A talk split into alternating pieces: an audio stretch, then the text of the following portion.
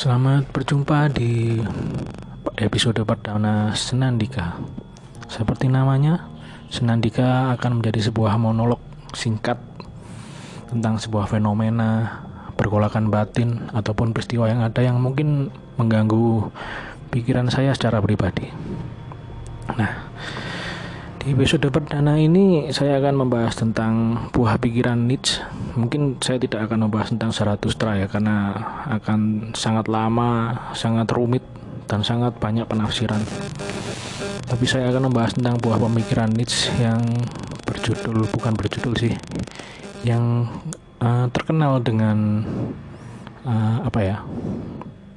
Kata-katanya sering dikutip dan menjadi salah tafsir menurut saya yaitu tentang Tuhan yang telah mati. Pemikiran tentang Tuhan yang telah mati karya Nietzsche itu uh, tercakup di sebuah bukunya yang berjudul kalau bahasa Indonesia-nya sih ilmu kebahagiaan ya. Di dalam cerita itu ini saya akan mengutip sedikit di dalam bukunya itu uh, terdapat seorang gila yang ceritanya datang dan berteriak-teriak menuju ke kerumunan dan dia berkata, Tidakkah kamu telah mendengar seorang gila yang menyalakan lentera di pagi hari yang cerah? Berlari menuju tempat kerumunan dan terus-menerus berteriak. Aku mencari Tuhan, aku mencari Tuhan. Ketika orang banyak yang tidak percaya pada Tuhan datang mengerumuninya, kemudian dia, dia mengundang gelak tawa. Apakah dia orang yang hilang? Tanya seseorang.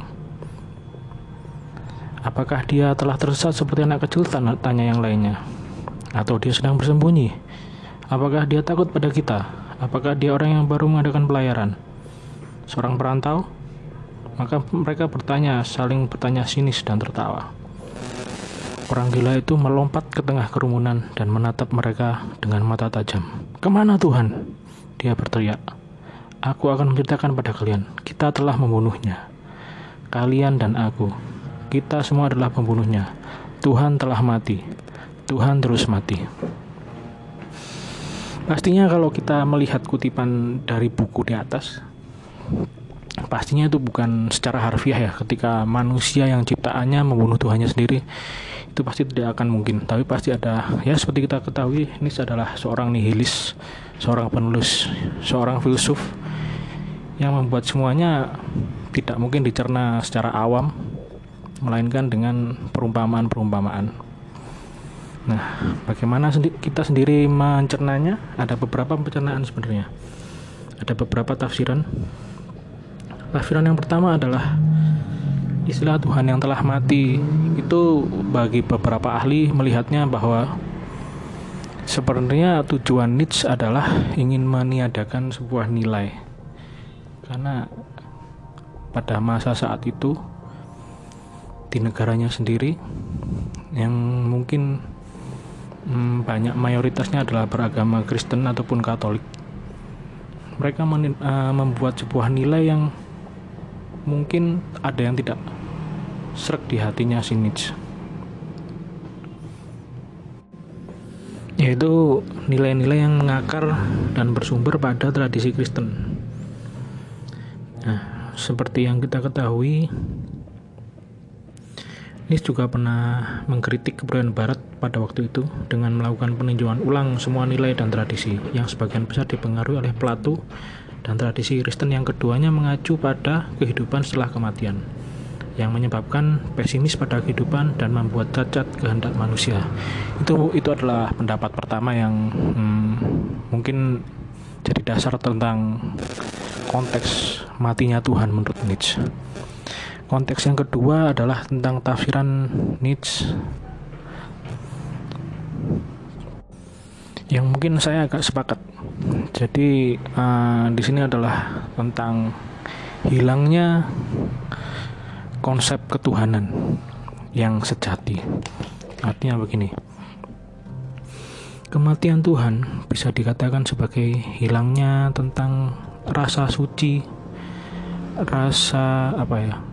Sakramental yang memiliki apa ya pengorbanan mungkin tentang bagaimana kita berbuat jujur berbuat ilahiyah tanpa harus melupakan duniawi bukan sebaliknya mementingkan duniawi dengan menggunakan kekuatan-kekuatan ilahiyah. Karena pada kita yang seperti kita ketahui pada saat itu adalah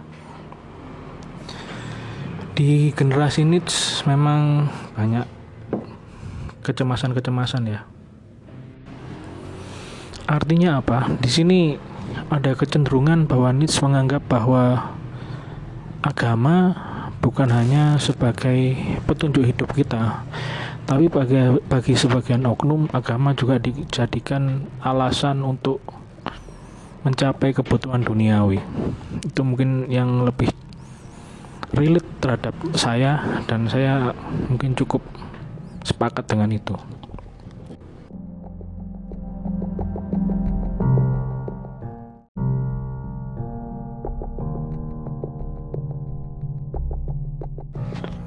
Hal itu juga bukan tanpa alasan ya, karena melihat gereja pada saat itu tidak hanya berfungsi sebagai sarana penyebaran agama dan pemberbaikan akhlak, tapi juga disalahgunakan sebagai alat untuk mencapai kejayaan dan kekayaan. Seperti kita ketahui masa-masa sebelum itu adanya perang salib di mana dengan slogannya gold, glory dan gospel di mana gospel adalah di prioritas terakhir ketika ada tiga kata itu di mana kata-kata pertamanya adalah gold yang artinya kekayaan dan glory yang artinya kekuasaan. Baru setelah itu ada gospel yang artinya adalah penyebaran agama saat itu mungkin menjadi kecemasan tersendiri hmm, bagi Nietzsche akan adanya nilai-nilai yang tidak pas di hatinya seperti itu. Nah, permasalahannya adalah apakah kita menemukan fenomena-fenomena tersebut pada masa sekarang ini? Masa di mana sudah sangat maju dan orang-orang sudah sangat terbuka dengan berbagai macam uh, ilmu dan teori. Apakah tentang konsep Tuhan telah mati di mana kita yang negara dengan anti ateis ini apakah kita bisa menangkalnya? Nah ini jadi pertanyaan tersendiri. Kalau menurut saya pribadi konsep Tuhan telah mati ini masih ada ya orang masih banyak yang mempersalahgunakan agama demi kepentingan pribadinya. Saya jadi teringat sebuah siaran YouTube saat itu yang sayangnya saya lupa namanya. Di mana di sana ada sebuah cerita, bukan cerita sih, ada sebuah seperti talk show gitu tentang mengundang beberapa orang ateis untuk menyampaikan pendapatnya. Orang ateis itu mengaku bahwa dirinya ateis, tapi dia berkata bahwa dia tidak hanya sendiri seorang ateis di negara ini karena ternyata ada banyak orang-orang yang mengaku beragama tapi dia ternyata ateis. Contohnya seperti ini. Ketika ada anggota dewan, menteri yang telah disumpah di bawah kitab suci mereka, tapi justru mereka mempersalahgunakan sumpah itu dan dan jabatannya untuk melakukan korupsi dan segala tindakan lainnya yang melawan agama. Artinya apa? Mereka telah mencederai dan menghina arti sumpah dari sebuah agama tersebut. Nah, apabila kita relate-kan atau kita hubungkan dengan konsep Tuhan telah mati, sebenarnya ini sangat masuk akal sekali ya bahwa negara kita ini sebenarnya negara yang beragama kuat Islam tapi ternyata masih banyak orang yang mementingkan duniawinya bahkan berani merusak atau mm, mencederai janji sucinya terhadap Tuhan di atas sumpah hanya untuk kepentingan duniawi. Nah ini kan menyedihkan. Berarti secara tidak langsung mereka telah membunuh Tuhannya sendiri demi kebutuhan duniawi. Menurut saya seperti itu sih. Nah, itu kalau kita bicara tentang para petinggi-petinggi di negara ini ya. Sekarang kita coba berkaca pada diri kita sendiri. Apakah kita pernah membunuh Tuhan kita sendiri? Saya pribadi saya hmm, mungkin beberapa kali saya membunuh Tuhan saya. Ketika mungkin saya melakukan korupsi kecil-kecilan dengan uh, menyuap orang untuk apa ya? Melakukan inilah yang paling baru. Seperti saya membuat SIM dan saya membayarnya tidak mengikuti tes. Itu menurut saya sudah menyadari janji saya terhadap Tuhan.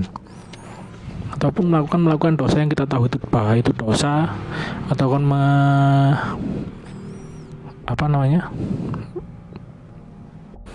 melalaikan kewajiban-kewajiban kita terhadap agama yang kita tahu itu wajib dan tidak boleh ditinggalkan justru untuk kebutuhan duniawi itu itu menurut saya sudah membunuh upaya untuk membunuh Tuhan secara kecil-kecilan.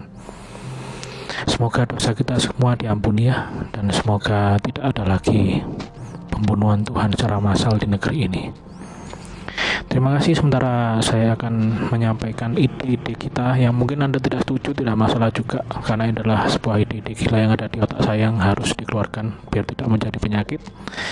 Itu saja yang saya sampaikan di episode kali ini. Semoga kita akan bisa bertemu lagi. Wassalamualaikum warahmatullahi wabarakatuh.